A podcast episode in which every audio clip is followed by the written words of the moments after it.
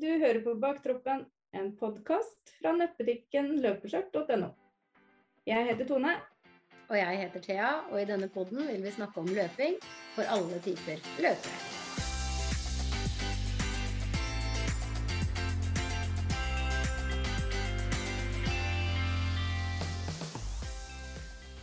I dag har vi med oss en annen podkast, Runstreak-podden. Velkommen. Takk. Hyggelig å få være med. Takk, takk. Hyggelig dere ville være med. Ok, jeg ja. kan ikke miste en sånn sjanse. Snakke med andre podkastere, det er jo kjempegøy. Det er ikke så dumt, det. Ja. Nei. Vi kan jo begynne å presentere dere, da. Tone starter kanskje? Ja. Tone Killengren. Uh, ene halvdel av uh, Runstreak-podden. Uh, har løpt uh, i ganske mange år. Begynner å, begynner å bli mange år. løper litt forskjellig. men for det meste Runstreak, som er det vår podkast handler om. Ja, vi kan jo kanskje snakke om mer ting underveis. Jon? Ja, jeg heter Jon Asphjell. 47 år, Oslo. Jeg har en runstreak, altså jeg har løpt hver dag i ca. to og et halvt år. Mm. Noe sånt? Nei, tre år. Tre og et halvt år. Um, eller, ja. Og jeg er også ultraløper. Um, løper mye, blitt litt sånn backyard ultraspesialist. Uh, og arrangerer et løp oppe på Ekeberg. Ekeberg backyard ultra. Og ja, har egentlig bare holdt på siden jeg var 38 år, sånn ca. ti års tid, da, når jeg ble bitt av litt sånn løpefeber. Mm. Mm. Ti år, ja. Det er en stund. Ja, det er faktisk snart litt sånn ti år, ja, ni år, da. Ni-ti mm. år har jeg Så begynte jeg liksom å løpe. Slutta å snuse og slutta å sitte inne hele dagen, skulle jeg si. Eller det var ikke helt sånn, da. Men jeg ble litt tatt av løpeskoen, for å si det sånn. Mm. Mm. Men man begynner vel ikke rett på ultraløp, liksom? Man, er vel, man starter vel en annen plass enn der? Mm. Jeg startet tilbake i 2008, var vel liksom da jeg begynte på jeg, den løpingen jeg er nå. Um, leste boka til Grete Waitz, 'Løp ditt eget maraton', uh, og hadde da ikke løpt på noen år, egentlig. Alltid, alltid likt å løpe. Og det har alltid vært en del av, av, min trening i en eller annen form. Veldig ofte så har det liksom vært en bieffekt av det jeg driver med. Uh, enten det har vært på håndballbane eller basketbane eller spilt tennis eller Så det har vært sånn intervallpreget løping, og så drevet med kampsport. Um, så veldig mye intervall. Uh, og, da, og det å da skulle liksom etter hvert begynne å løpe lengre, det, det var sånn det, Klarte ikke å forestille meg at jeg noen gang skulle løpe lenger enn en mil. Nei. det var liksom det, det, var jo Jeg tenkte at det måtte være det Ja, jeg hadde hørt om de som løp maraton, og jeg husker jeg så faktisk den første da de sendte OL, eller damene løp olympisk i OL maraton for første gang eh, i 1984. Eh, og satt og så på Grete Waitz og Ingrid Kristiansen løpe. Mm. Eh, skjønte jo først i ettertid at det hadde vært vitne til noe historisk. Ja. Men bare det at, liksom, det at damer kunne løpe så langt, eller at noen som helst kunne løpe så langt, var mye lenger enn jeg klarte å forestille meg. Eh, så, så, det var liksom Ja, men det er liksom for, ja, de er jo liksom profesjonelle, så det var greit. Da var det jo de kunne jo gjøre det, siden de var det. Mm. Um, og så ja, det gikk noen år. Jeg var vel elleve på det i 1984, så legger vi på noen Mhm. år og kommer til 2014, og så løper jeg mitt første ultra. Ja. Og hvilket løp var det? Eh, Bislett 24. Altså, du gikk rett på Bislett 24? Du var ikke innom maraton først, liksom? Du gikk rett på ultra? Jeg varmet opp med en seks timer. Jeg skulle bare sjekke at jeg kunne løpe en fjerdedel av den 24-timeren, og det klarte jeg, så da regnet jeg med at det var greit. Ignorance is bliss, er det noe som heter. Ja, fordi vi har jo hatt med oss folk her som altså De nevner jo alltid Bislett 24 som noe av det verste. Mm. Eh, og min bror har jo vært med der, og det er litt sånn Det, det er jo det verste du kan gå på. Jeg startet der. Ja, For jeg hadde hørt at maraton, det var så vondt. Og så hadde Ja. jeg alltid hørt at eh, så ultra, du løper rolig og langsomt, og du kan så ta det i ditt tempo. Da tenkte jeg, ja, men det høres bra ut, og 24 timer, det skal jeg klare. Eh, Hvordan var det? Jo, det, det var vondt.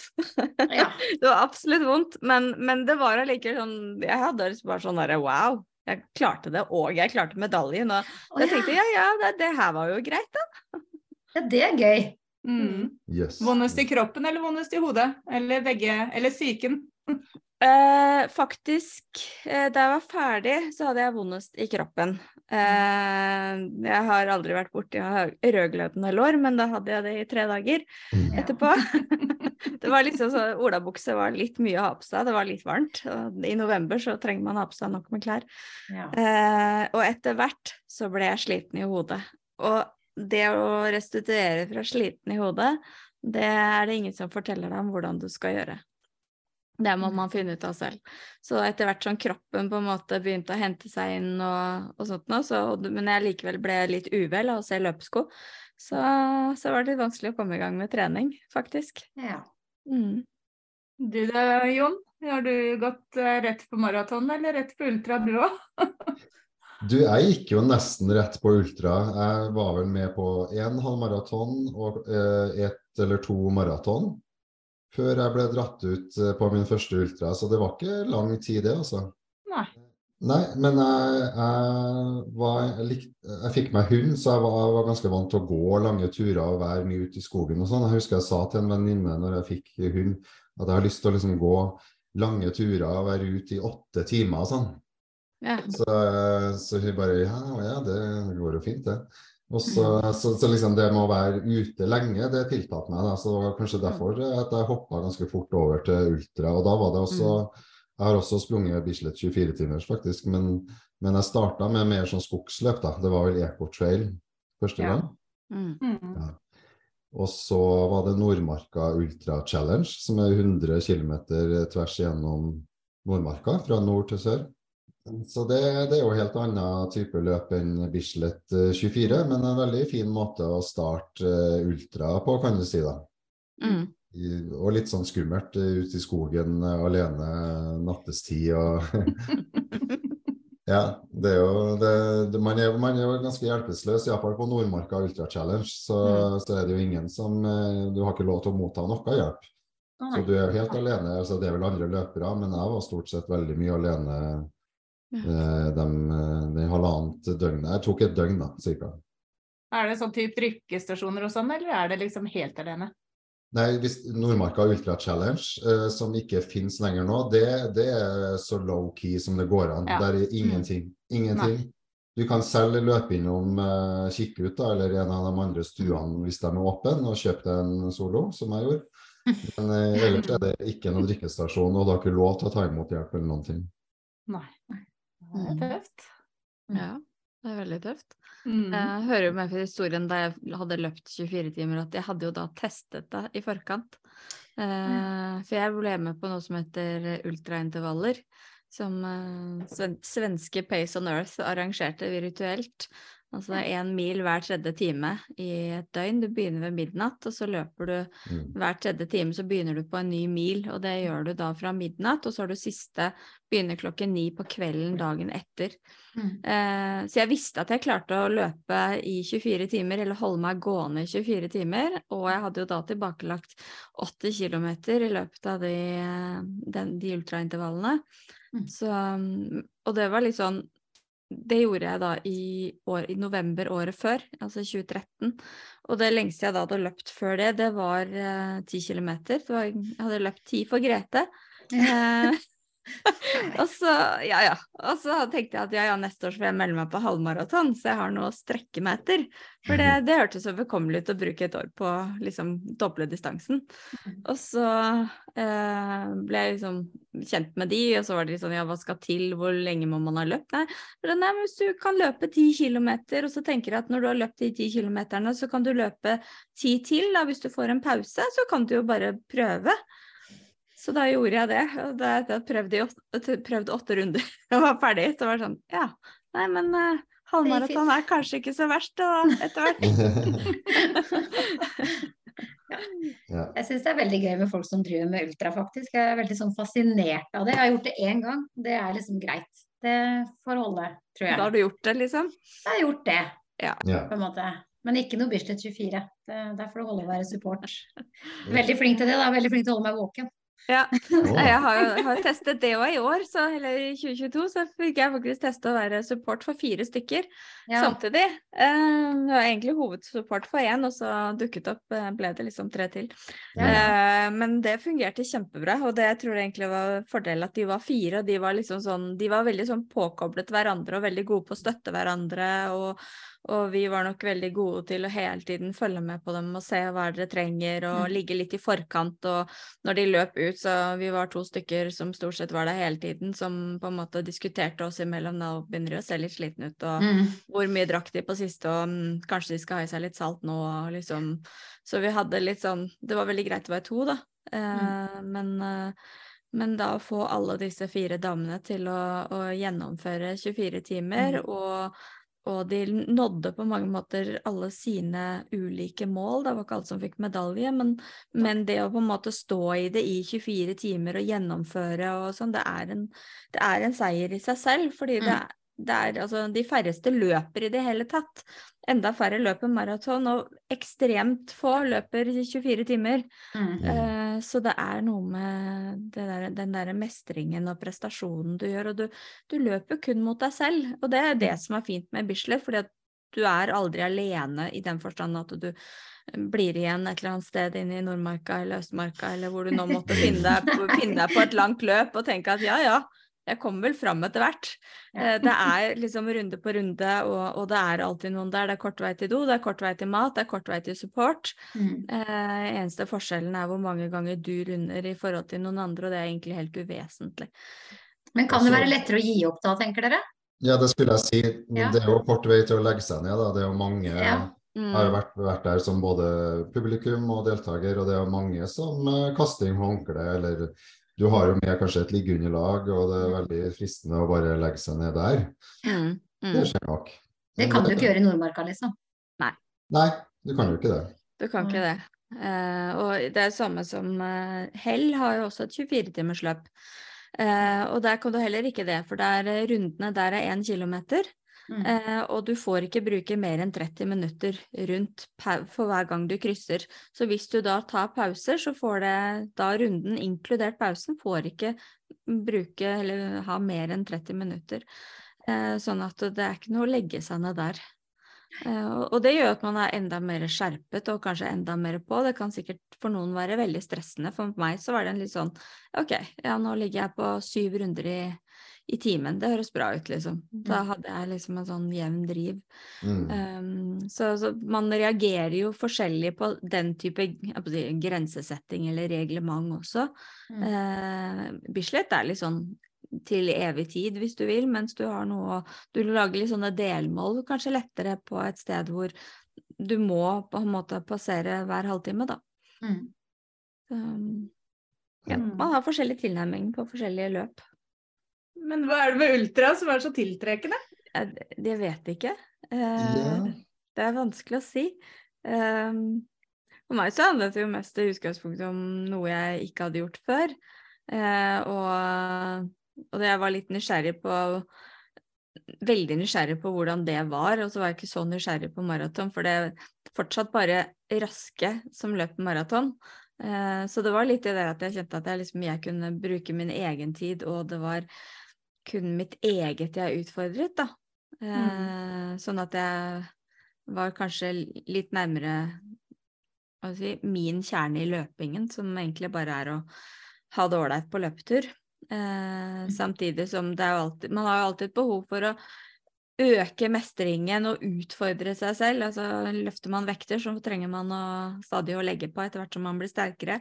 Og det er litt samme, eh, samtidig som ultra er jo i, kanskje i større grad enn et mentalt løp enn en, en 10 km. Altså ikke til forkleinelse av 10 km. Eh, det er absolutt krevende. Du må kunne holde et, et høyt og hardt tempo over, over en viss distanse. Det, men det er liksom litt fortere gjort, da, mens her så er du ute og holder på, holder på, holder på.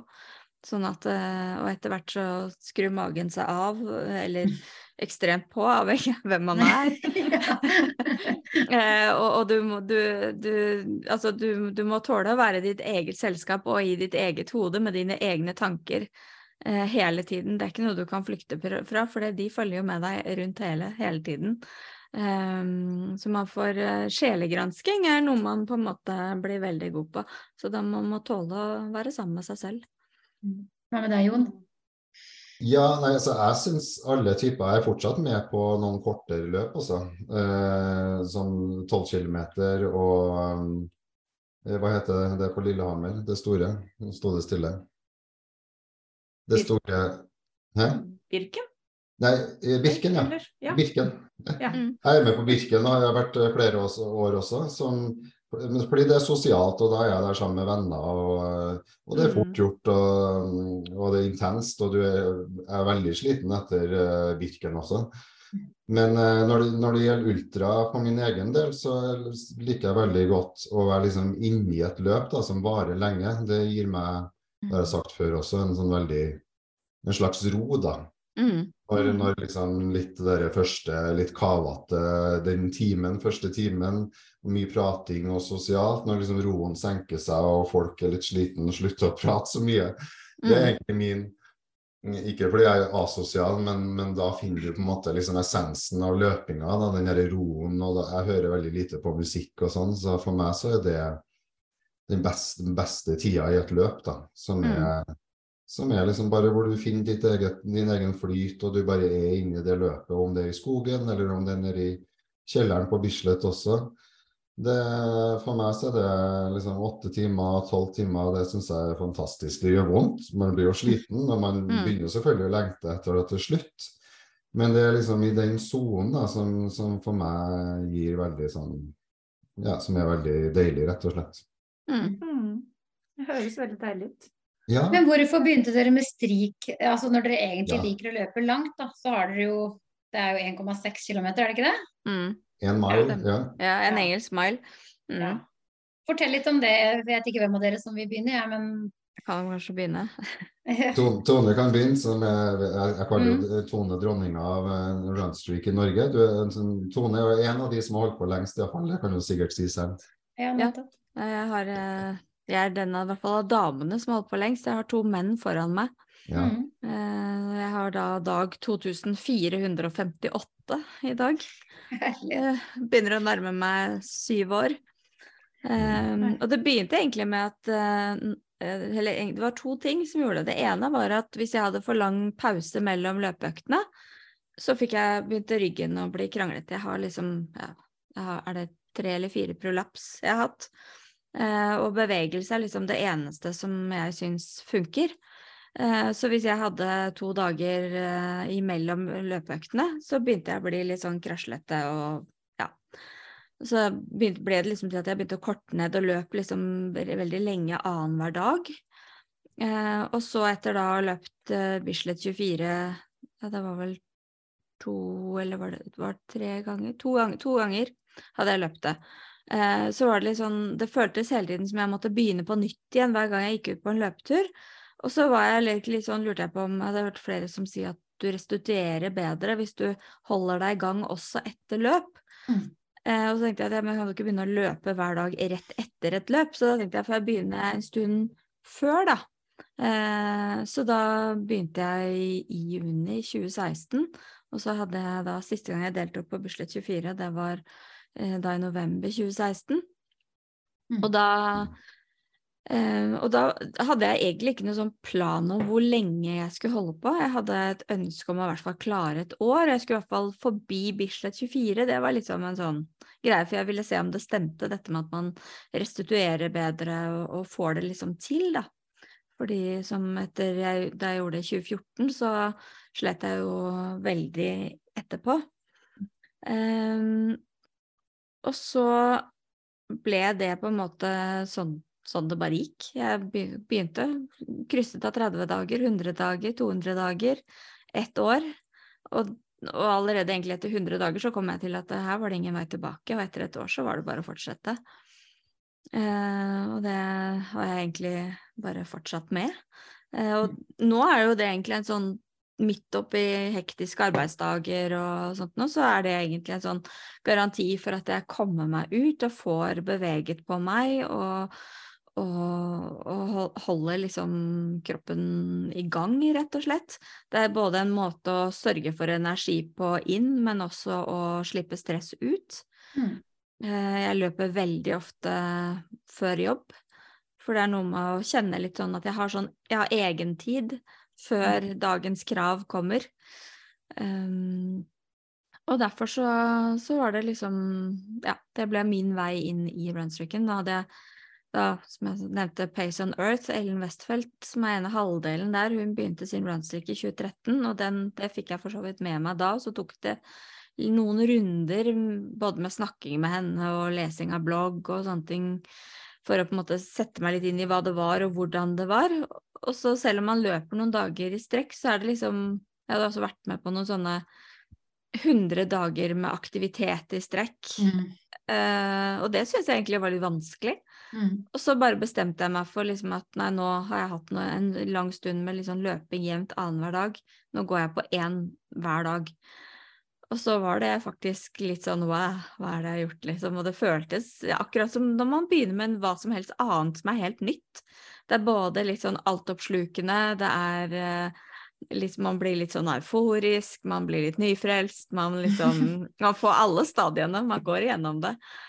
Og, og, liksom etter hvert man feirer på den ene og den andre dagen, og nå er det sånn Ja, nei, da passerte vi 2000 dager. Fint, check. Neste.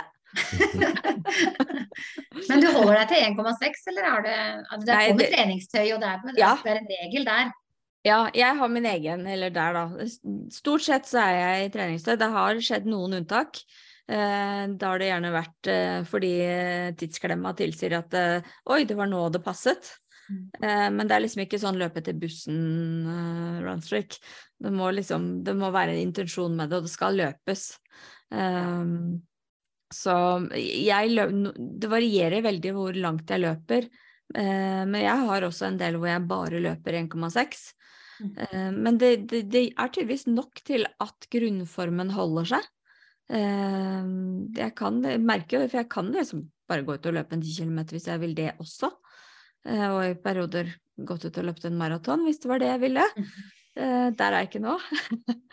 Men, men, det blir veldig varierende økter. Det er mye sånn i hvordan, hvor mye tid jeg har, hvor mye tid jobb tillater at jeg har på morgenen og den type ting. Så, og noen dager så er det sånn som man har uker hvor man bare ser at ok, nå er jeg fornøyd med minstedistanse, det får holde.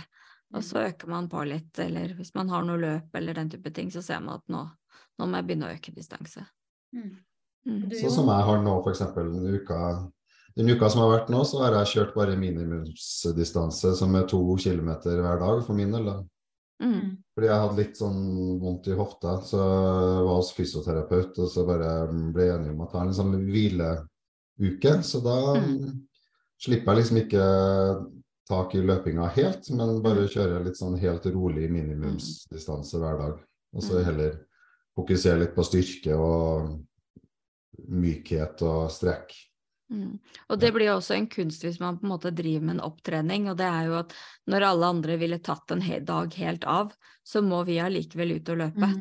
Eh, og, og, da blir det 1,6 som på en måte er en sånn hviledistanse, og da blir jo det helt rolig.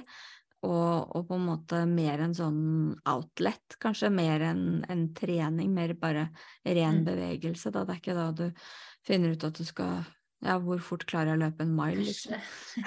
Perse på mile. Hvordan starta du, Jon? Hvorfor, hvorfor Ja, um, jeg hadde jo bare hørt om konseptet gjennom noen podkast, uh, jeg også. Også den svenske, den som heter Pace on Earth, mm. som mange av oss har hørt på. eh, og uh, det bare tiltalte meg fordi jeg er litt sånn distré person, ikke så veldig organisert uh, alltid. Så sånn trenings, veldig sånn litt sånn treningsplaner og litt omfattende sånn system, systematisk approach, det passer ikke helt meg, da. Så det var et eller annet tiltalende med den enkelheten i å bare løpe litt hver dag. Eh, så jeg tenkte at det, det kan jeg prøve. Det kan jeg klare. Mm. Så jeg, jeg tror jeg prøvde en gang, eh, og intensjonen var egentlig å liksom gjøre det resten av livet. Da. Jeg prøvde en gang, og det tok slutt etter en ukes tid. Og så starta jeg en gang til. Og det var bare en tilfeldig dag. Jeg husker første dagen jeg starta, det var faktisk på en sånn weekendtur i London med meg og mannen min, som gift, Einar, som er gift med. Og det, Jeg vet ikke hvorfor det skulle starte da, men det passer jo på en måte aldri bra å starte. Men det var liksom da jeg skulle starte. Men er enda mindre på en weekendtur. sånn, «Nei, nå skal vi drikke øl, nå skal vi kose oss, så skal vi begynne å løpe runstreak. Ja, det var det. Jo, for det ble en litt sånn, nesten litt sånn krangel, fordi det var en litt travel dag. ikke sant? Du har masse å gjøre. Vi skulle sikkert på noe sightseeing eller museum, og så skulle vi spise frokost først. Og så jeg bare Ja, men jeg har jo sånn, en sånn runstreak-greie, jeg skal løpe hver dag. Så jeg, og han bare Ja, men nå må du gjøre det nå, liksom. Herregud, vi må. Og det ble litt sånn, så, Men jeg skyndte meg ut og sprang langs The Thames- Thames-elva der, da, lite grann. Mm. Eh, så det er derfor det er litt morsomt, og det husker jeg veldig godt liksom, når det starta, da. Mm. Eh, men også har jeg blitt mye flinkere eh, selvfølgelig til å strukturere det på en måte sånn at det ikke kommer i konflikt med familie eller eh, planen for dagen. eller sånn. Man blir utrolig flink til å bare snike det inn. Og Mm. planlegge, ikke minst da bare sånn OK, i morgen så har vi masse å gjøre, vi skal opp tidlig. Da må jeg eh, snike meg til å gjøre det først, eller eh, liksom ha en plan for å få gjort det senere på kvelden. da.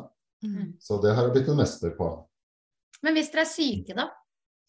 Hvis dere er syke, ja. Da er store spørsmålet. Nei, altså det er ikke noe fast regel. Altså vi har snakka om eh, Jeg glemmer jo litt, det er 40 i feber, eller er det 41 i feber? Da bør man ikke ut og Nei, har man feber, så bør man ikke ut og løpe, samtidig som Jeg har hatt feber likevel men, men det er litt sånn, ja, men det er hvordan man opplever feber. Hvis jeg har feber, så er jeg jo nærmest døden nær. Mm. Jeg har veldig sjelden feber. Sist jeg hadde feber, det var i eh, Det må ha vært i februar 2000 og Ja, 2000, faktisk. Det Var sist jeg hadde feber. Nei, jeg Ja. hatt feber. Vi løpte jo gjennom covid begge to, gjorde vi ikke det? Jo, men jeg hadde ikke feber. Ja, Så det er feber som er liksom den ultimate Altså får du feber, men du kan spy så mye du vil, og du kan ha Ja, ja, ja, ja. og hele pakka, men Oh, yes. feber, da må man stoppe, liksom.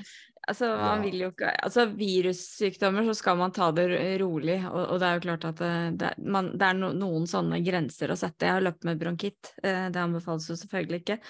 Eh, men da er det sånn type å løpe Løpe under hostegrensa, du skal ikke svette, du skal ikke bli andpusten, sånn at det skal ikke koste kroppen noen ting.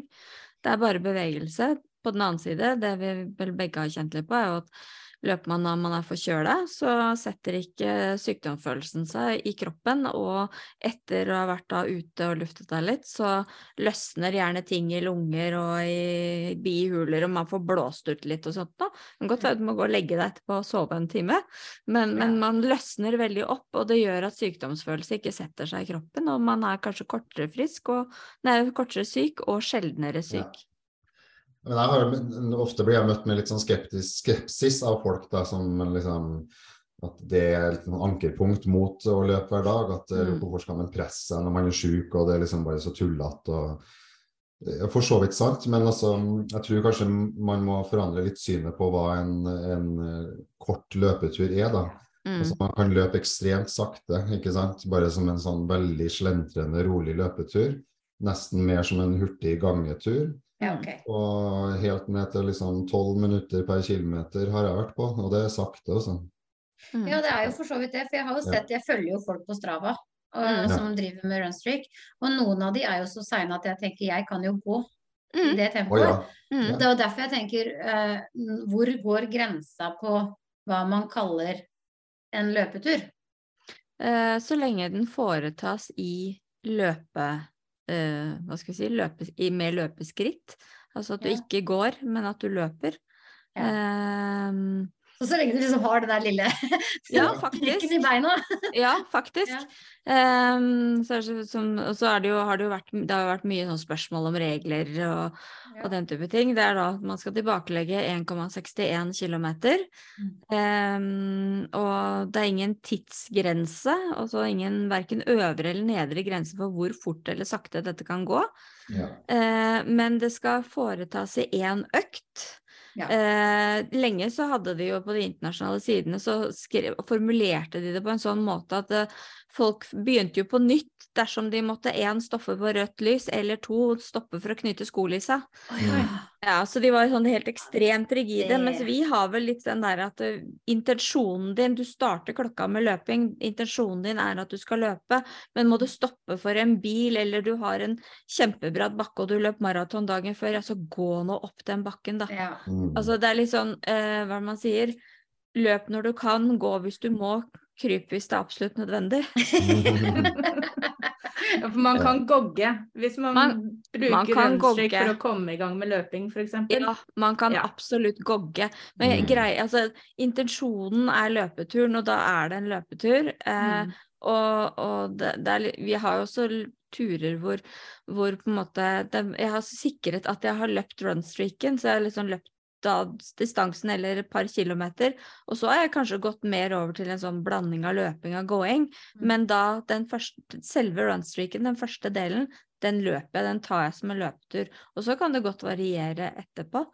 Um, men det er noe med intensjonen, og det, det er jo en runstreak og ikke en gå-streak eller en aktivitetsstreak, så da Mm. må man løpe. Så det er med løpeskritt. Men det er ikke nødvendigvis en treningstur. Det kan være bare en, en rolig bevegelsestur da, Mm. som ikke er forbundet med trening. Derfor er det liksom innafor å gjøre det når man er i litt sånn sjaber form også. Men det er klart det er jo en Mm. grense for hvor sjuk man kan være. Men vi har vært heldige, og mange andre har vært heldige og holdt seg såpass friske at de har klart det.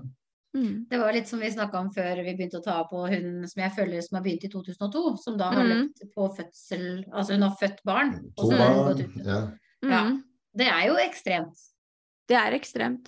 Ja. Eh, og hun startet jo en egen gruppe for kvinnelige runstreakere, fordi det var en del de, I de store foraene så, så var det liksom Ja, det er, det er ikke alt menn kan mene noe om, da. Som Nei. barnefødsler.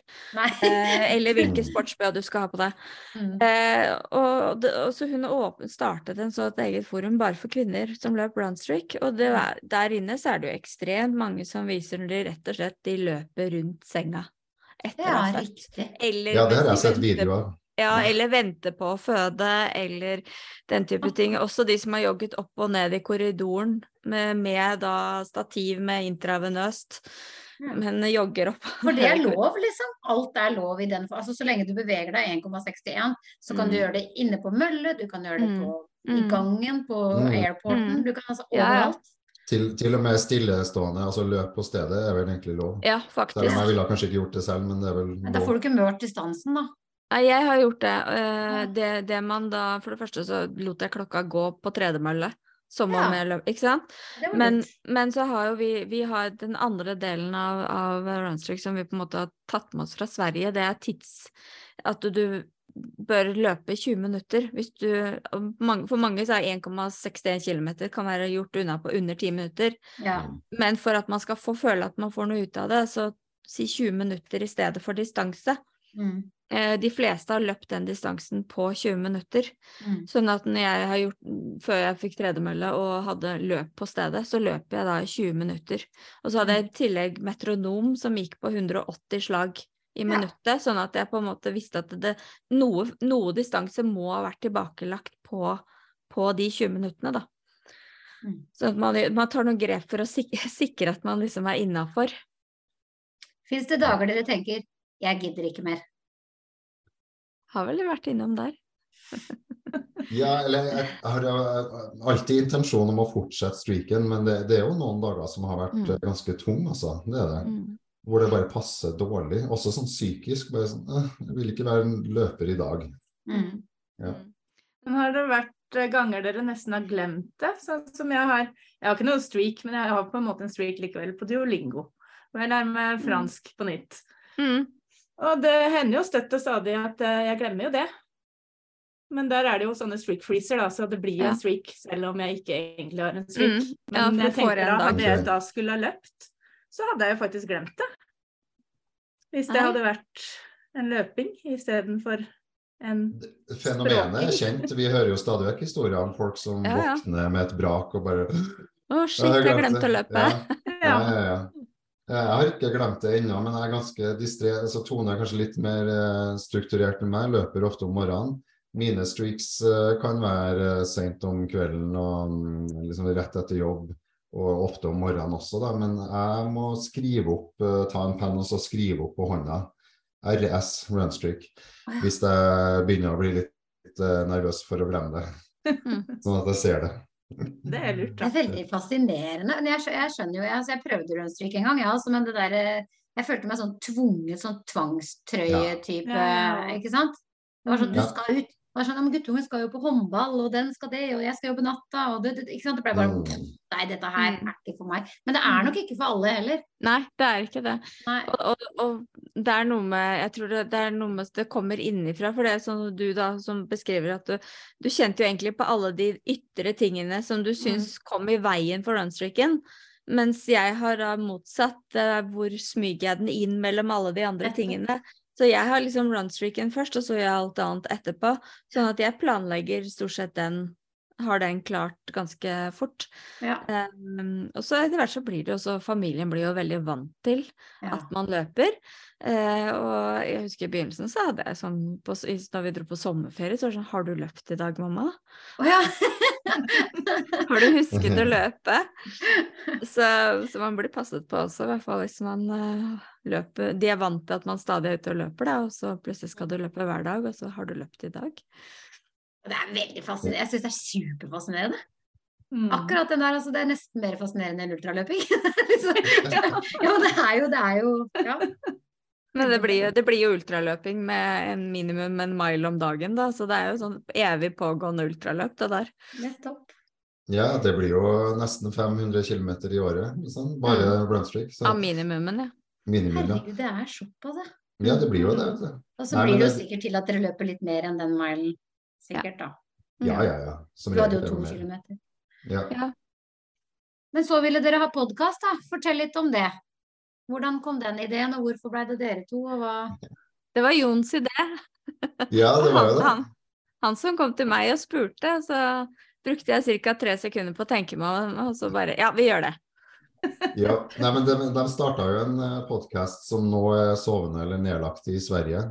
Eh, s, hva heter den? Runstreak Sverige. Runstreak Sverige. Mm. Uh, som, som jeg hørte på, syntes den var ganske bra. Men jeg tenkte ja, men vi kan jo kanskje gjøre det bedre. Eller jeg tenkte det er så mye man kunne ha snakka om som de ikke snakka om. Mm. Eh, og så har jeg hatt lyst til å ha podkast, selvfølgelig jeg også, som hundrevis av andre. Men eh, så ideen var der, og så spurte jeg Tone, og Tone er litt sånn strukturert, så hun bare tok notat og laga en plan, og ja, men da, da gjør vi det. Og vi kjøper mikrofoner, og, og jeg booker tid i studio, eller eh, vi bruker jo Deichmanske bibliotek. Jeg har brukt en del, iallfall. Mm. Så da kjørte vi bare på, da. Det gikk jo egentlig ganske fort. Ja, det gikk Mm. veldig fort. Mm. Eh, og ja, eh, de er jo de har jo denne Runstreak Norge-gruppa på Facebook, eh, som nå begynner å Ja, vi er vel eh, 550 rundt omkring Mm. medlemmer der. Eh, I motsetning til Sverige, som har 10 000. Ja. Mm. Så vi er en liten intim gruppe i Norge, men jeg tenker at det er jo ikke det det kommer an på. Jeg tenker at folk skal ha det gøy eh, og, og gjøre noe de liker å gjøre. Og så fant vi ut at eh, ja, først, først så var vel tanken at vi bare skulle snakke runstreak. Eh, og så har man jo litt den at runstreaken er det som livet, strengt tatt. Altså det går opp og ned her i verden. Mm. Eh, og da så vi jo at vi kunne jo utvide litt repertoar på å snakke, snakke med andre løpere, for det, det er jo lø... Altså runstreaken blir en rød tråd, og så er det jo løping vi på en måte alle har til felles, og så har man bare litt ulik tilnærming til hvordan man løser det. Eh, og det gjør jo at da kan vi jo ha et bredere både publikum og, og, og gjester og temaer vi snakker om. Ja. Og jeg vil si Runstreakere er jo all slags folk, og så mange som Mm. aldri løper lenger enn en maraton, og ikke det engang. Og vanlige mosjonister over hele Norges land. Veldig mye kvin kvinnelige runstreakere. Ja, Mm. faktisk. Ja, iallfall de, mest, og de som er mest aktive på gruppa også. Veldig Mm. mye kvinner. Så det er liksom et eh, skikkelig sammensatt fellesskap. Mm. Og det er litt artig at du sier, fordi at i løp så er det gjerne overtall av menn. Altså i Mm. vanlig mosjonsløp.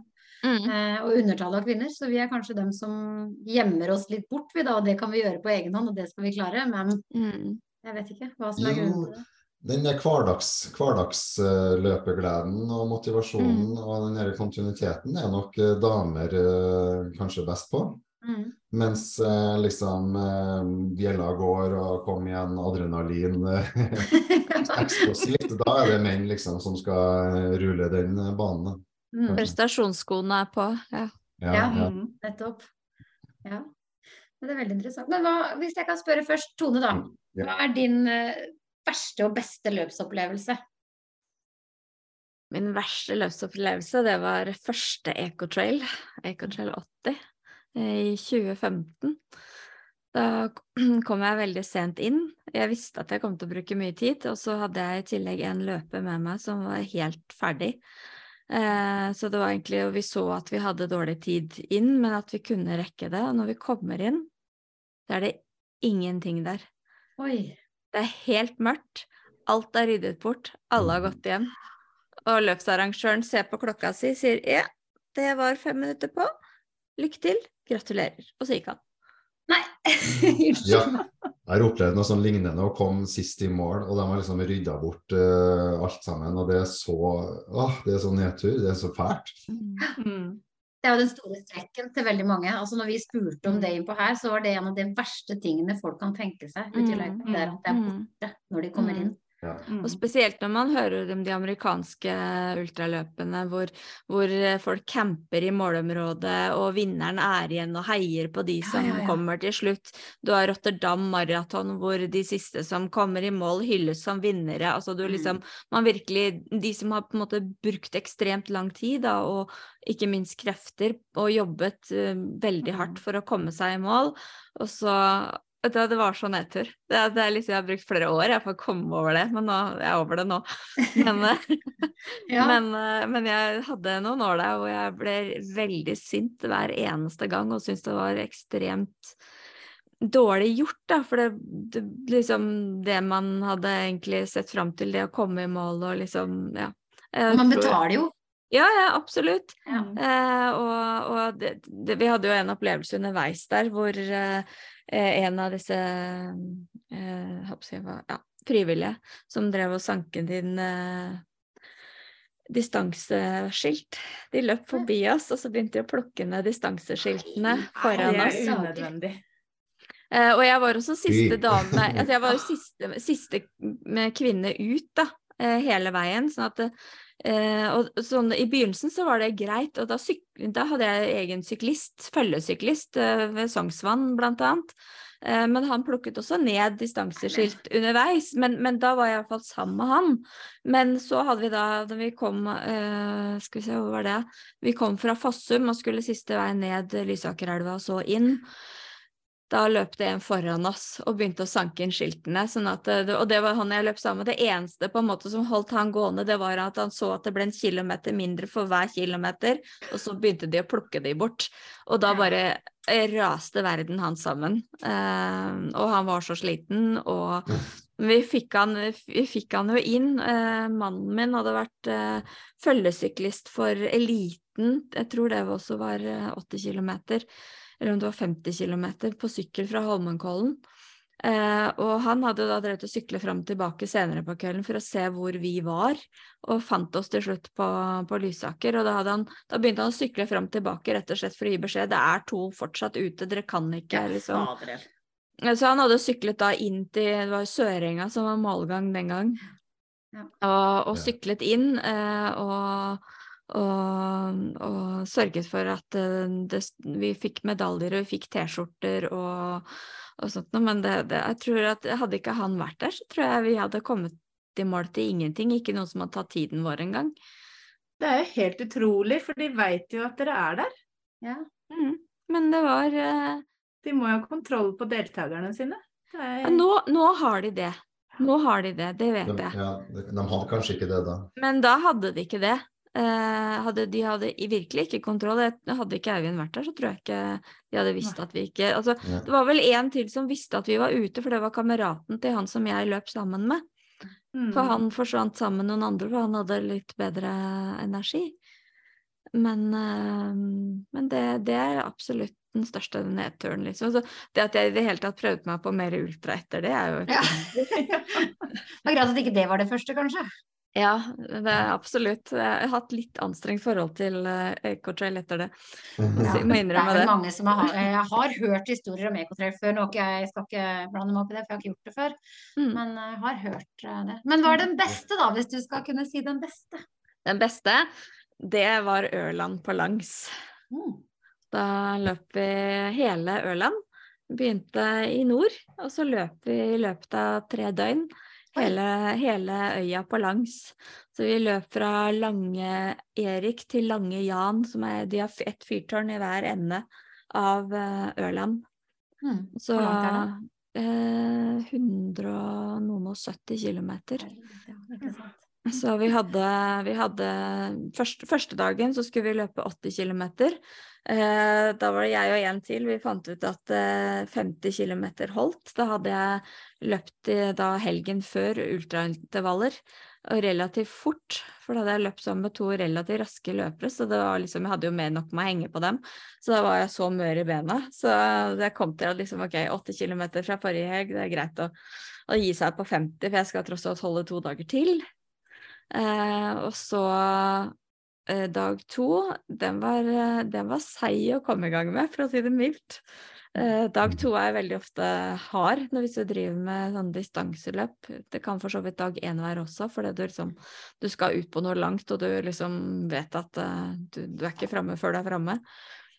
Ehm, vi hadde veldig fint vær, og det var ganske varmt også, så det var, gikk mye drikke underveis. Så det var sånn løp innom en eller annen kro eller en eller annen isbutikk, eller Det var liksom ikke Det er ikke flust av bensinstasjoner nedover Ørland, for å si det sånn. så, så, så på dag to så, så ble jeg faktisk eh, hentet inn av en bil. Eller vi kom hvor det sto noen parkert som skulle videre, og de bare dere, dere to er de siste. Og de andre forsvant herfra for en halvtime siden. Så de bare Dere setter Dere stopper klokkene, dere setter dere inn i bilen, vi kjører dere én mil til neste post, og så løper dere derfra. Eh, og plutselig vet du, så lå vi blant tetgruppa. Det var sånn Her var det kjempehyggelig! Ja, ja. Hvor, hvor kom dere fra, liksom? Nei, nei vi, vi, vi var så langt bak, vi, så vi ble kjørt hit. Men det ble godkjent for det. Ja da, for det, ja, nei, det er ikke Ja. juks, for det var jo ikke et løp som sådan. Det var en, egentlig et sånt veldedig løp. Eh, man løp for å samle inn penger til jeg husker ikke hva det var engang, barnesykehus i Sverige. Eh, sånn at det var eh, Eller Min drømmedag, tror jeg det er noe som heter i Sverige, som man samler inn penger på til kreftsyke barn. Så, så det var det vi løp for. Så sånn sett så var det jo ikke et løp, heldigvis. Mm. Eh, men det gjorde at vi rakk jo middagen, da, ikke minst. Vi var inne vi skulle alle rekke en middag eh, som ble arrangert for oss. Eh, og så hadde vi siste dagen da hvor vi løp, løp i, Jeg løp i mitt tempo, kom sist inn. Eh, og da hadde de andre hadde jo stått og ventet og frosset. Jeg visste ikke at alle skulle, målet var at alle siste kilometeren skulle alle løpe inn sammen til dette fyrtårnet. Eh, så jeg hadde jeg bare løp i mitt tempo og holdt meg gående, liksom. Og så, så plutselig så ble jeg møtt av løpere som kommer imot meg, og jeg bare Har det skjedd noe? Nei, vi bare lurte på hvor du var. Eh, Her er jeg. så da måtte jeg øke tempoet, da. Så når vi da kommer inn og står og ser på alle disse halvblå, halvfrosne, blåleppede Ja. folka som sto der og frøs, så var det ok, da får vi løpe, da. Og så legger jeg meg bak og tenker at uh, nå får jo de få lov til å løpe på. Og så får jeg plutselig beskjed om at nei, du er sist, du løper først. Du oh, ja. holder tempo. Det uheldige for alle andre da, det var at da fikk jeg runners high. Oh, ja. Jeg drar av gårde i et tempo jeg aldri har løpt før, tror jeg. Verken før eller siden. Og får beskjed om at du må roe ned. De klarer ikke alle å følge med oss bak her. Og jeg bare har ikke sjans. Men jeg ble jo etter hvert forbiløpt, da, så jeg tenker at folk klarte absolutt å holde følge. Eh, Men det var litt, det var litt sånn der eh, wow, skal jeg løpe først? Ja, ja, jeg får løpe av gårde, da, liksom. Og så bare bena bare tar deg. Og du bare løper på, liksom. Eh, Så nei, det var Det er den beste. Ja, og det var jo en, en Det var jo et løp som Som, som, rett og slett som var en veldedig innsamling, men det, det, gjorde jo liksom at det, det sosiale var jo et veldig viktig aspekt her. Vi mm. sov jo i gymsaler, sov på gulver i gymsaler. Eh, eh, klokka seks så gikk eh, alarmen av eh, hos løpsarrangør, og da var det sånn eh, spilte de It's a Beautiful Day med U2. Alle lå helt stille i soveposene, og så i det øyeblikket musikken var over, så var alle i gang. Oh, ja. så det, var helt, det var helt fantastisk å bare ligge der. Du bare hørte musikken, og så bare OK, jeg kan ligge til den er ferdig, og så var vi i gang, liksom. Mm. Um, ja, det var, det var, virkelig det. Uh, det de hadde, jo, de hadde jo foreldre blant annet som de hadde mobilisert for å lage mat, og de, det, det, når det kommer en sånn diger henger med Eh, brødmat og, og juice og pålegg og liksom Vi hadde kyllingsalat midt ute in the middle of nowhere, liksom, som de hadde da kommet med, og kald brus og i det hele tatt. Så det var en helt fantastisk opplevelse og veldig sånn mestring og og, og, veldig gøy å få lov til å være ute og løpe sammen med andre. Sånn. Bare, det eneste du mm. skulle den dagen, det var å løpe. All bagasjen den ble fraktet, så du hadde liksom med deg de tingene du trengte, tenkte at du trengte underveis, og litt ekstra, en ekstra jakke og litt sånne ting. Det var midt på sommeren. Så, og tredje dagen var det jo ikke noe problem å gå ut og løpe, og kroppen var ekstremt klar for fjerde dag òg, bortsett fra at da var vi ferdig. Fantastisk. Men Jona, ja. det verste og beste. Velge hvor du vil begynne. du, det er så mange fine løpeopplevelser at uh, man vet jo egentlig ikke hva man skal velge. Jeg syns jeg har vært med på utrolig mye fint og mye tungt, men egentlig aldri hatt det veldig kjipt. Og, men jeg syns egentlig det er veldig fint å snakke med dere i baktroppen. fordi jeg, når jeg starta, så var jeg i baktroppen mm. mye og, og, det, og kosa meg i baktroppen. Og det, det gjør jeg noen ganger fortsatt også. Eh, men så oppdaga jeg jo at jeg var ganske god på de her lange, seige løpene. Og fikk liksom smaken Kanskje jeg kan klare å liksom vinne en gang. Eh, og spesielt når jeg fant det backyard-formatet, da. Ja. Eh, som hvor du springer en runde i timen, ikke sant. Og, ja. og man bare holder på og holder på til, til man er siste person som står igjen. Så begynte jeg så smått å gjøre det litt bedre, og har klart å vinne noen løp etter hvert. Eh, som, eh, som, alltid er litt gøy. Det er litt artig å vinne også. Mm. Greit å være baktroppen, hvis man kan vinne. Så mm. smaker jo det godt. Jeg husker spesielt én seier. Det var kanskje ikke første gang jeg vant backyard, men vi hadde en virtuell backyard under lockdown. Jeg tror det var i 2021 da vi arrangerte, eller vi hadde eh, Østmarka backyard, for det, det ble avlyst, selvfølgelig. Det kom vel en eh, Det var kanskje andre smittebølge, for alt jeg vet. Det var vel i april 2021. Da. Så da sprang vi virtuelt. Vil si at vi fant oss en Vi laga vår egen løype. Hvor vi enn var i landet. Var det, og det var kanskje 100 stykker som sprang samtidig over hele landet. Eh, og vi fortsatte eh, i Jeg tror vi var over, langt over på halvannet døgn. da. Eh, det tok vel 34-35 timer. Og da var det bare så Vanligvis så vet man på en måte når man er sist, men siden mm. jeg var helt alene, så var jeg liksom avhengig av å få beskjed da når, det, når, når de andre hadde gitt seg. Så det var igjen bare meg og Harald Bjerke og han Jon, Jo Inge Norum. Mm. Veldig etablerte, kjente løpere da, som jeg følte meg bare ekstremt eh, Eller jeg følte meg ganske mindreverdig, men jeg tenkte liksom herregud, kanskje jeg kan klare det. Jeg begynte å få et håp. Og så Det var vel runde 35 da, da vi holdt, holdt på i 35 timer. Eh, så hadde jeg fullført min runde, men jeg ante jo ikke om de andre hadde klart det. Men da ringte han Jo Inge Norum da, eh, og sa at han hadde gitt seg. Så plutselig Og det var liksom så, det gikk så fort, da. Plutselig så sto jeg der, og så hadde jeg vunnet. Og det er ikke ofte det skjer i, i ultra, iallfall, for at du har en viss anelse. og det, Ting tar jo tid. Men mm. Jeg husker iallfall det sjokket, da, den gledessjokket over å ha klart å vinne et sånt løp, og spesielt over eh, løpere altså, som Harald Bjerke og Jo Inge Norum. Det var et mm. stort øyeblikk. Mm. Hvor jeg fikk ideen til Backyard-sangen, som eh, et år senere jeg fikk til å skrive ferdig, eller lage ferdig en back, egen Backyard-sang. Så glad ble jeg. Å oh ja, så det har kommet en sang også? Ja, det kom en sang. det er litt gøy. Rediger den inn, da, at jeg kan sende den til dere. Men, ja, ja. Laga en backyard-sang, eh, og den, den, ble liksom da spiren til den sangen. Den ble komponert uh, når jeg vant, uh, vant der. Mm. Uh, så det, det, er et stort øyeblikk.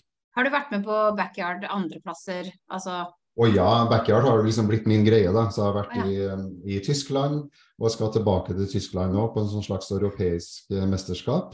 Mm. Og så er det jo verdensmesterskapet som er i Tennessee i oktober. Som jeg har kvalifisert meg til. Mm. Yes. Og så hadde du egen oppe på Ekeberg? Og så har jeg mitt eget backyard-løp på Ekeberg. Har du hatt det eh, før, eller er det nytt i år? Nei, det har vært to år. Det var første, første gang i februar i fjor. Og så hadde vi det nå på blankisen i år. Ja. var, så sånn er det når man arrangerer et løp eh, på vinteren. Da, da, må man ta det man får. Men uh, ja, så jeg tror kanskje vi skal utsette det til litt senere neste år. Ja. Mm. Fordi det var egentlig også min verste løpeopplevelse. Et løp som jeg var nødt til å bryte. Jeg er ikke så veldig god. Altså, det som er fordelen med backyard, er at du har en sånn trygg base. Du løper en runde, og så er du mm. tilbake i basen din. Der kan du ha så mye utstyr og mat du vil. Mm. Men eh, jeg var faktisk ganske redd under et løp som ikke var en backyard, da, men det var siste gangen jeg var med på Nordmarka Ultra Challenge. Mm. Så ble det dårlig vær, og jeg ikke så veldig god i regnvær, eh, så man skal ha respekt for elementene. Fordi da, da, var det meldt uh, innmari dårlig vær, men det starta egentlig ganske bra. Det var bare jeg og en annen fyr som stilte start. Og så begynte det å regne, og vi var langt ute i Nordmarka, og det begynte å regne skikkelig. Og det, var, og det her er jo oktober også, det er ganske sånn seint på høsten, så det var mm. kaldt. Tre grader regn er jo det verste som fins. Mm. Og vi hadde, jeg hadde egentlig ikke bra nok uh, klær. da, Jeg er liksom ikke så vant til å kle meg i regn. Så da var jeg faktisk ganske redd. Jeg tenkte at vi, altså vi begynte å bli skikkelig kalde. Og så tenkte jeg hvis det skjer noen ting nå, hvis jeg liksom detter og slår meg litt, så, så går ikke lang tid altså, før jeg er liksom helt nedkjørt og ikke klarer noen ting. Og du vet du blir så kald at du får ikke til å gjøre noen ting. Hendene dine er iskalde, du får ikke igjen glidelåsen. Så jeg begynte å bli litt stressa, så det måtte vi bryte. Det gikk helt fint, altså, for det var en kar, som faren hans uh, hadde parkert bilen ikke så langt unna. Så vi, vi, ble enige om å bryte og springe dit. Men uh, det var ikke så ille, det var ikke en ille løpeopplevelse, men det var liksom litt skummelt. Så man skal mm. ha litt respekt eh, for elementene. og så, så liker jeg å forsvare den ultraløpinga også og si at det går helt fint og har full kontroll, men da hadde jeg liksom ikke helt kontroll. Da. Så, Nei, nettopp. Mm. Ja. ja. det blir litt sånn. Har dere med litt sånn sikkerhetsting på sånne løp? Sånn varmefolie og ja, ofte så er jo det påbudt eh, mm. å ha med ekstra skift og varmefolie og, og hva heter det, GPS, og, sånn at du mm. kan ta kontakt. Mm. Men, eh, men, det er noe med å være langt ute i marka, spesielt i Nordmarka. Da, da er du liksom ikke, Det er ikke noe bebyggelse eller et sted hvor du kan søke tilflukt nødvendigvis. Det finnes jo hytter, da. Mm. Men, ja. Man får jo vært med på litt av hvert, da. Når, er, eh, når man løper både langt og er med på masse løp. Det er jo ja. opplevelser man ikke ville hatt ellers. Og steder man kanskje ikke ville reist til ellers. Og mennesker man aldri ville møtt. Ja, det òg. Ja, ja, ja. Mm -hmm. mm.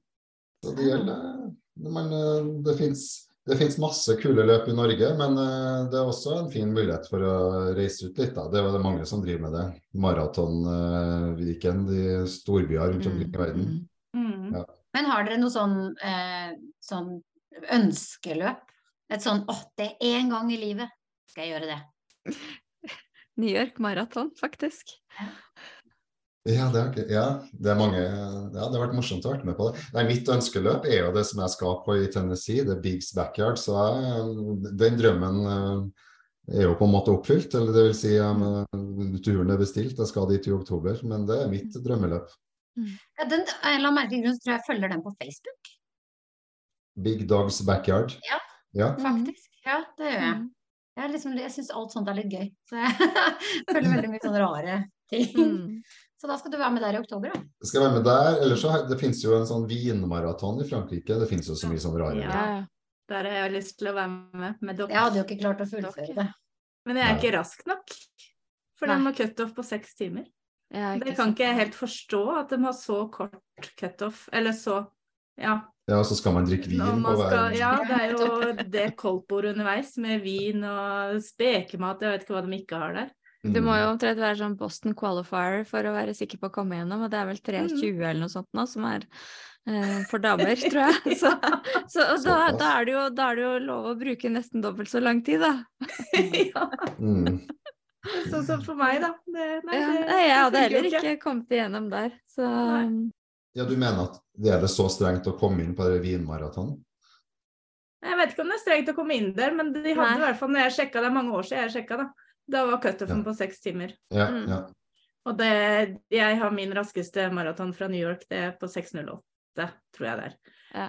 Så jeg hadde jo ikke Og det, det var ikke sånn at jeg drakk noe vin underveis der. Nei. Nei, ikke sant. Nei, der er det bare å komme seg over. Kanskje det går Mm. fortere hvis du har vinen vet du. Kanskje det. Ja. Eh, Jeg hadde jo, jeg hadde jo Bislett 24 som, som drømmeløp, eh, men det var jo det jeg gjorde først. Ja, nettopp. Så da, da, da meldte New York Marathon seg nummer, nummer to. Men jeg har jo hørt på Henning Lauritzen, og han sier at man bør heller løpe, eh, løpe New York 100 miles, for du får mye mer for pengene. For det første så er løpet billigere, og du får mange flere kilometer. Det er sant. ja, det er sant, ja. Er dere glad i medaljer? Nei, jeg tar ikke vare på noen. Jeg kaster Ikke så viktig. Mm. Jeg skjønner ikke noe. Jeg har, men det er ikke det som motiverer meg. Jeg, jeg er litt sånn, ja, det er ikke så nøye om det er en trebit eller om det er bling. Det er liksom, ja. Det er viktig er egentlig å bare ha løpt. Å ja. Ja, det. Ja, de er liksom Nå høres det klisjé ut, men de er liksom lagra i hjertet. Oh, ja. Eh, så jeg trenger, jeg trenger liksom ikke en medalje for å huske det. Pluss at altså, Det er kult at folk vil ha det. Jeg skjønner godt at folk har lyst til å henge det opp, også, men jeg har tatt vare på noen få som betyr eh, mye for meg. Men, eh, men jeg er ikke interessert i å ta vare på Jeg kommer fra en sånn hoarder-familie som samler for mye, så jeg bare allergisk måtte samle på ting. Men det er liksom den eneste prestasjonen jeg liksom får noe for. Så det er sånn, ok da, den, den skal jeg spare på. Det kan fort bli ganske mange av dem. Jeg har mine liggende i en skuff, så det er liksom mye usortert, og de, der ligger de fint, liksom. Men det er litt den der, for meg så kjenner jeg litt på at det er litt viktig det der at hvis jeg klarer medaljekravet, men, men deretter så er jeg ikke så veldig opptatt av medaljen, sånn sett. Nei, for Bislett sin må jo henge litt høyt for dere som på en måte når dere klarer kravet, og så får dere medaljen på Bislett, så er jo det en gøyere ting enn å få den på Oslo Maraton f.eks., som alle får. Ja. Det, Mm. det er jo, og den i hell, den var faktisk veldig bra å få, eller gøy å få, fordi det var en sånn 24, der får du 24 timers survival-medalje. Ja. Så, um, eh, og, og Men der får man uansett.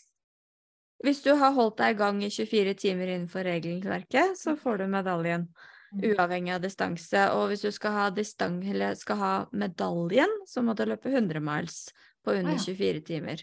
Mm. Eh, nå har de vel gjort om i år, så skal det være NM, og da har de måttet gå ned til det, disse andre medaljekravene. Så tror jeg det er 130 km som liksom er medaljekravet, og så får du overlevelsesmedalje hvis du eh, holder deg i gang. Jeg syns det er kjempefint, for jeg syns det er fælt å se på alle dere som sliter på Bislett og ikke får noen ting. Ikke sant? Altså, det er noe Ja, med ja. Det er noe med å få en belønning for å, for å faktisk eh, stå løpet ut, som man faktisk da gjør. Og ha den stamina og den viljestyrken og, og på en måte bli belønnet for det.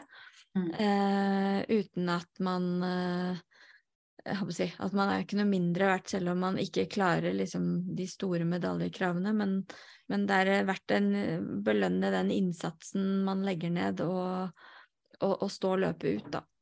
Ja, for det er jo mange som på en måte har eh, Som knuser egne rekorder, blant annet. Ikke Mm. sant? Mm. Eh, og som ligger ekstremt kort unna, da. Det er snakk om noen Mm. kilometer under Mm. 130 som er Bislett-målet. Mm. Eh, og som har latt det gå, latt det gå, latt det gå, latt det gå.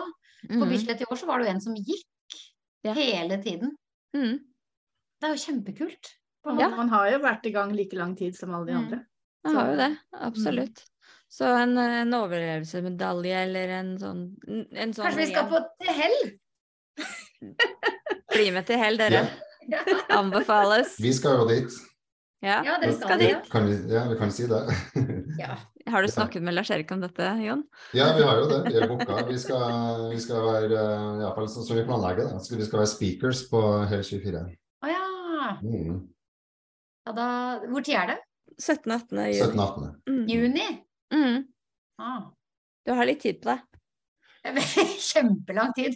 Det er rett før jeg blir 44. Det kunne vært bursdagsgaven til meg selv. Ja, ja, ja.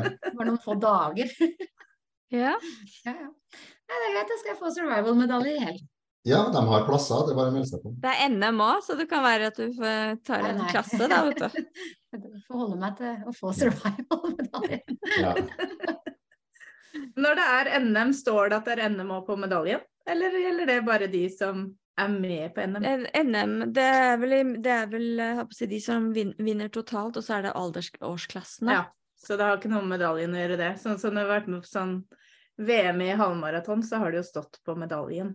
Mm, Jeg er litt usikker. det er litt kult. eh, om det Jeg er litt usikker, ja. Om Mm. alle får liksom deltakelse i NM.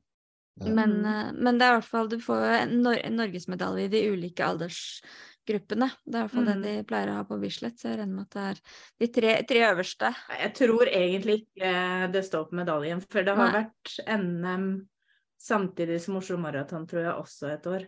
Mm. NM i halvmaraton eller et eller annet. Og da, Mm. da er det jo bare de som er med. Det er mange år siden, tror jeg. Men da Ja. er det jo bare de som er med. Mm. Som vi andre får jo ikke at det står NM på medaljen. Nei. Nei.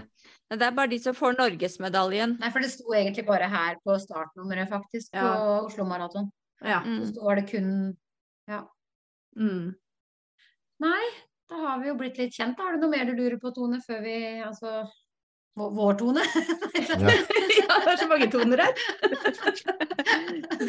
Svaret hviler vekk, ja.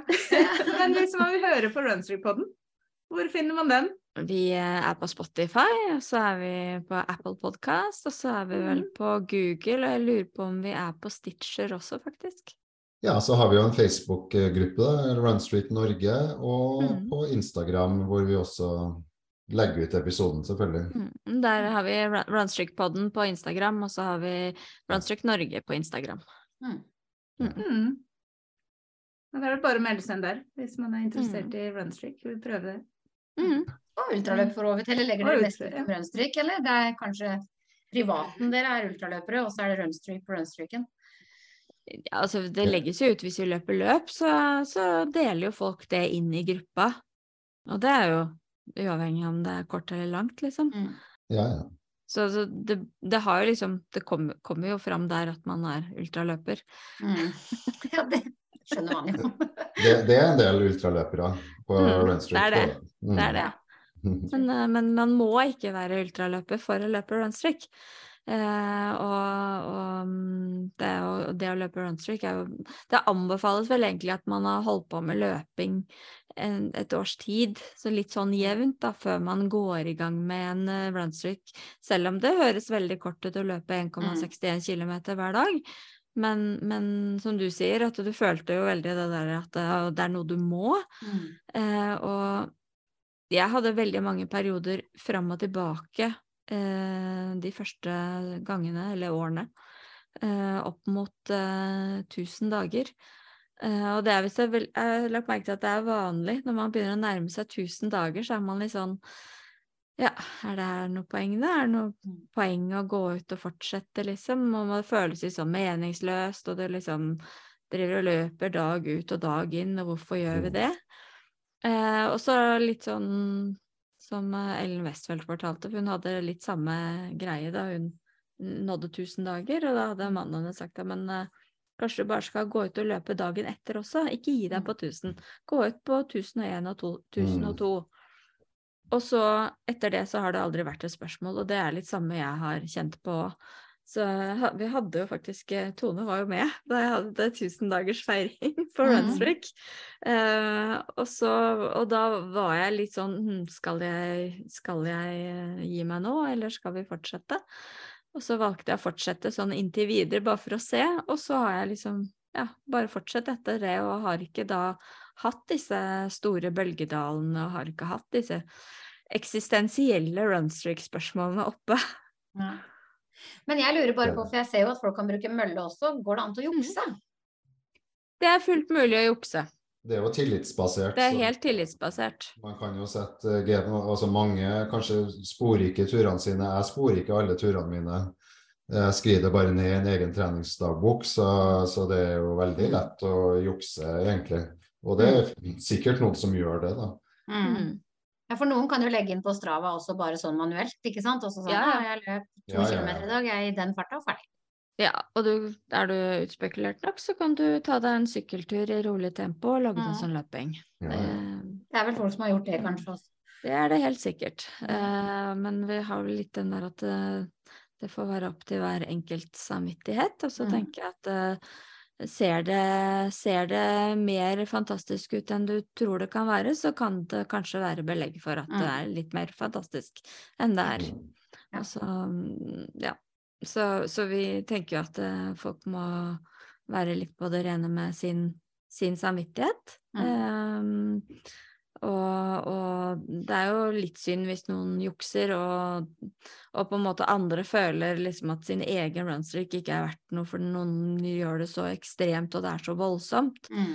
Eh, og sånn sett er det kanskje greit at jeg ikke gjør min, gjør veldig mye ut av min, mm. eh, og har ekstremt lange og mye hele tiden, fordi jeg tenker at det er relativt gjennomsnittlig, og da mm i perioder så løper jeg veldig mye, og i andre perioder så er det mest runstreak eller det jeg har tid til i hverdagen. Og det er på ingen måte et overmenneske.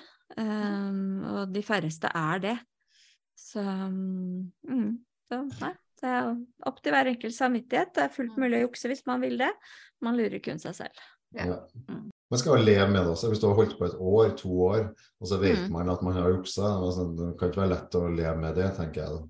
Og så er det sånn du får heiarop og du får go, go, go, og så er det sånn Det er faktisk fake, liksom. Ja. Jeg hadde ikke mm. orka det. Nei. Nei. Det som er fantastisk, er jo at det er jo Man ser jo Det er jo sånne egne er det i maraton, hvor man har egne sånne jegere eller etterforskere som etterforsker maratonløpere som jukser. Mm. tar T-banen, eller som eh, bare jeg håper å si, dukker opp underveis med noen andres nummer.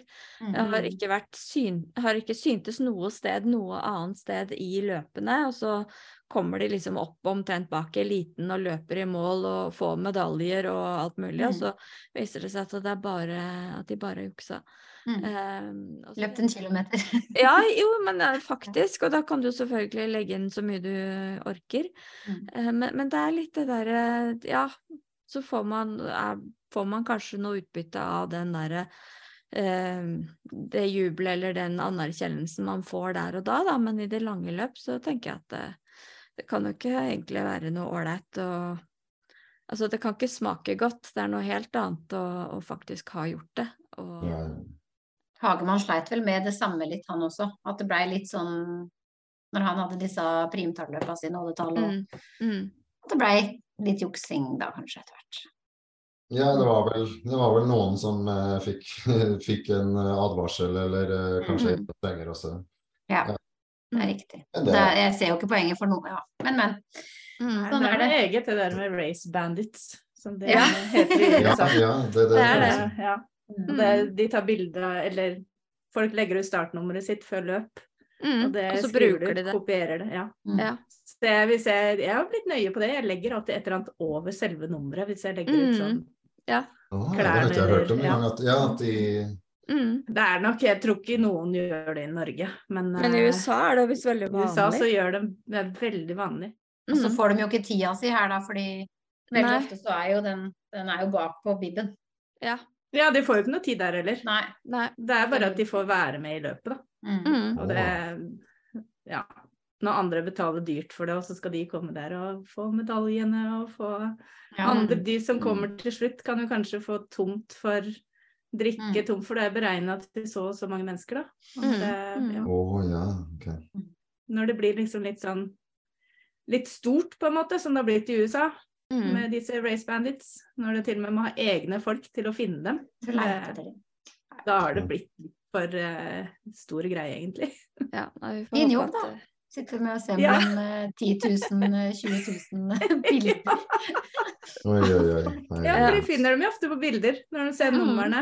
Og så er det forskjellige mennesker da med disse numrene.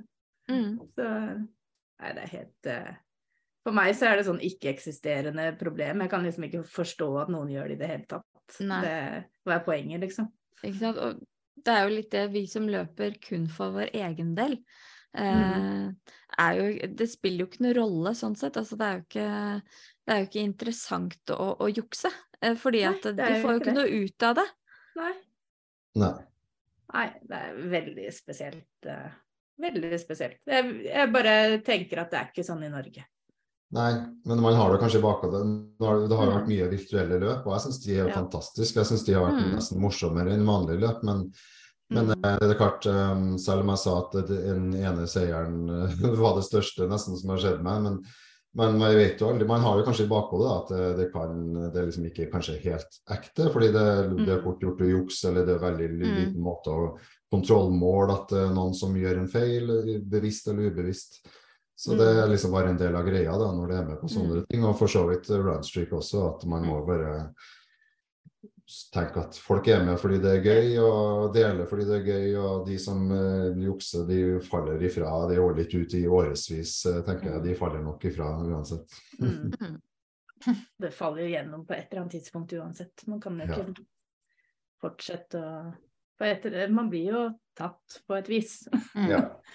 Eller en egen samvittighet kommer og biter i ræva. Det må jo snart litt. Du må, jo bli lei sjæl. Ja.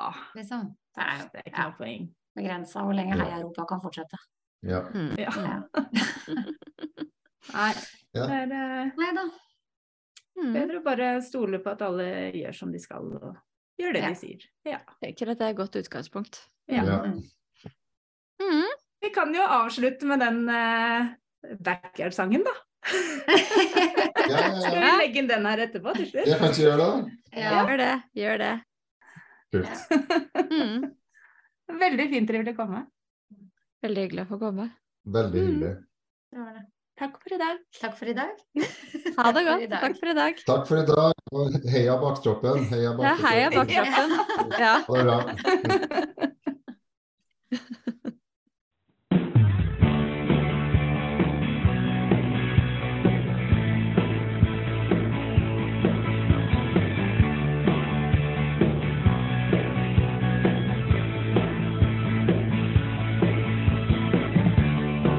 Father.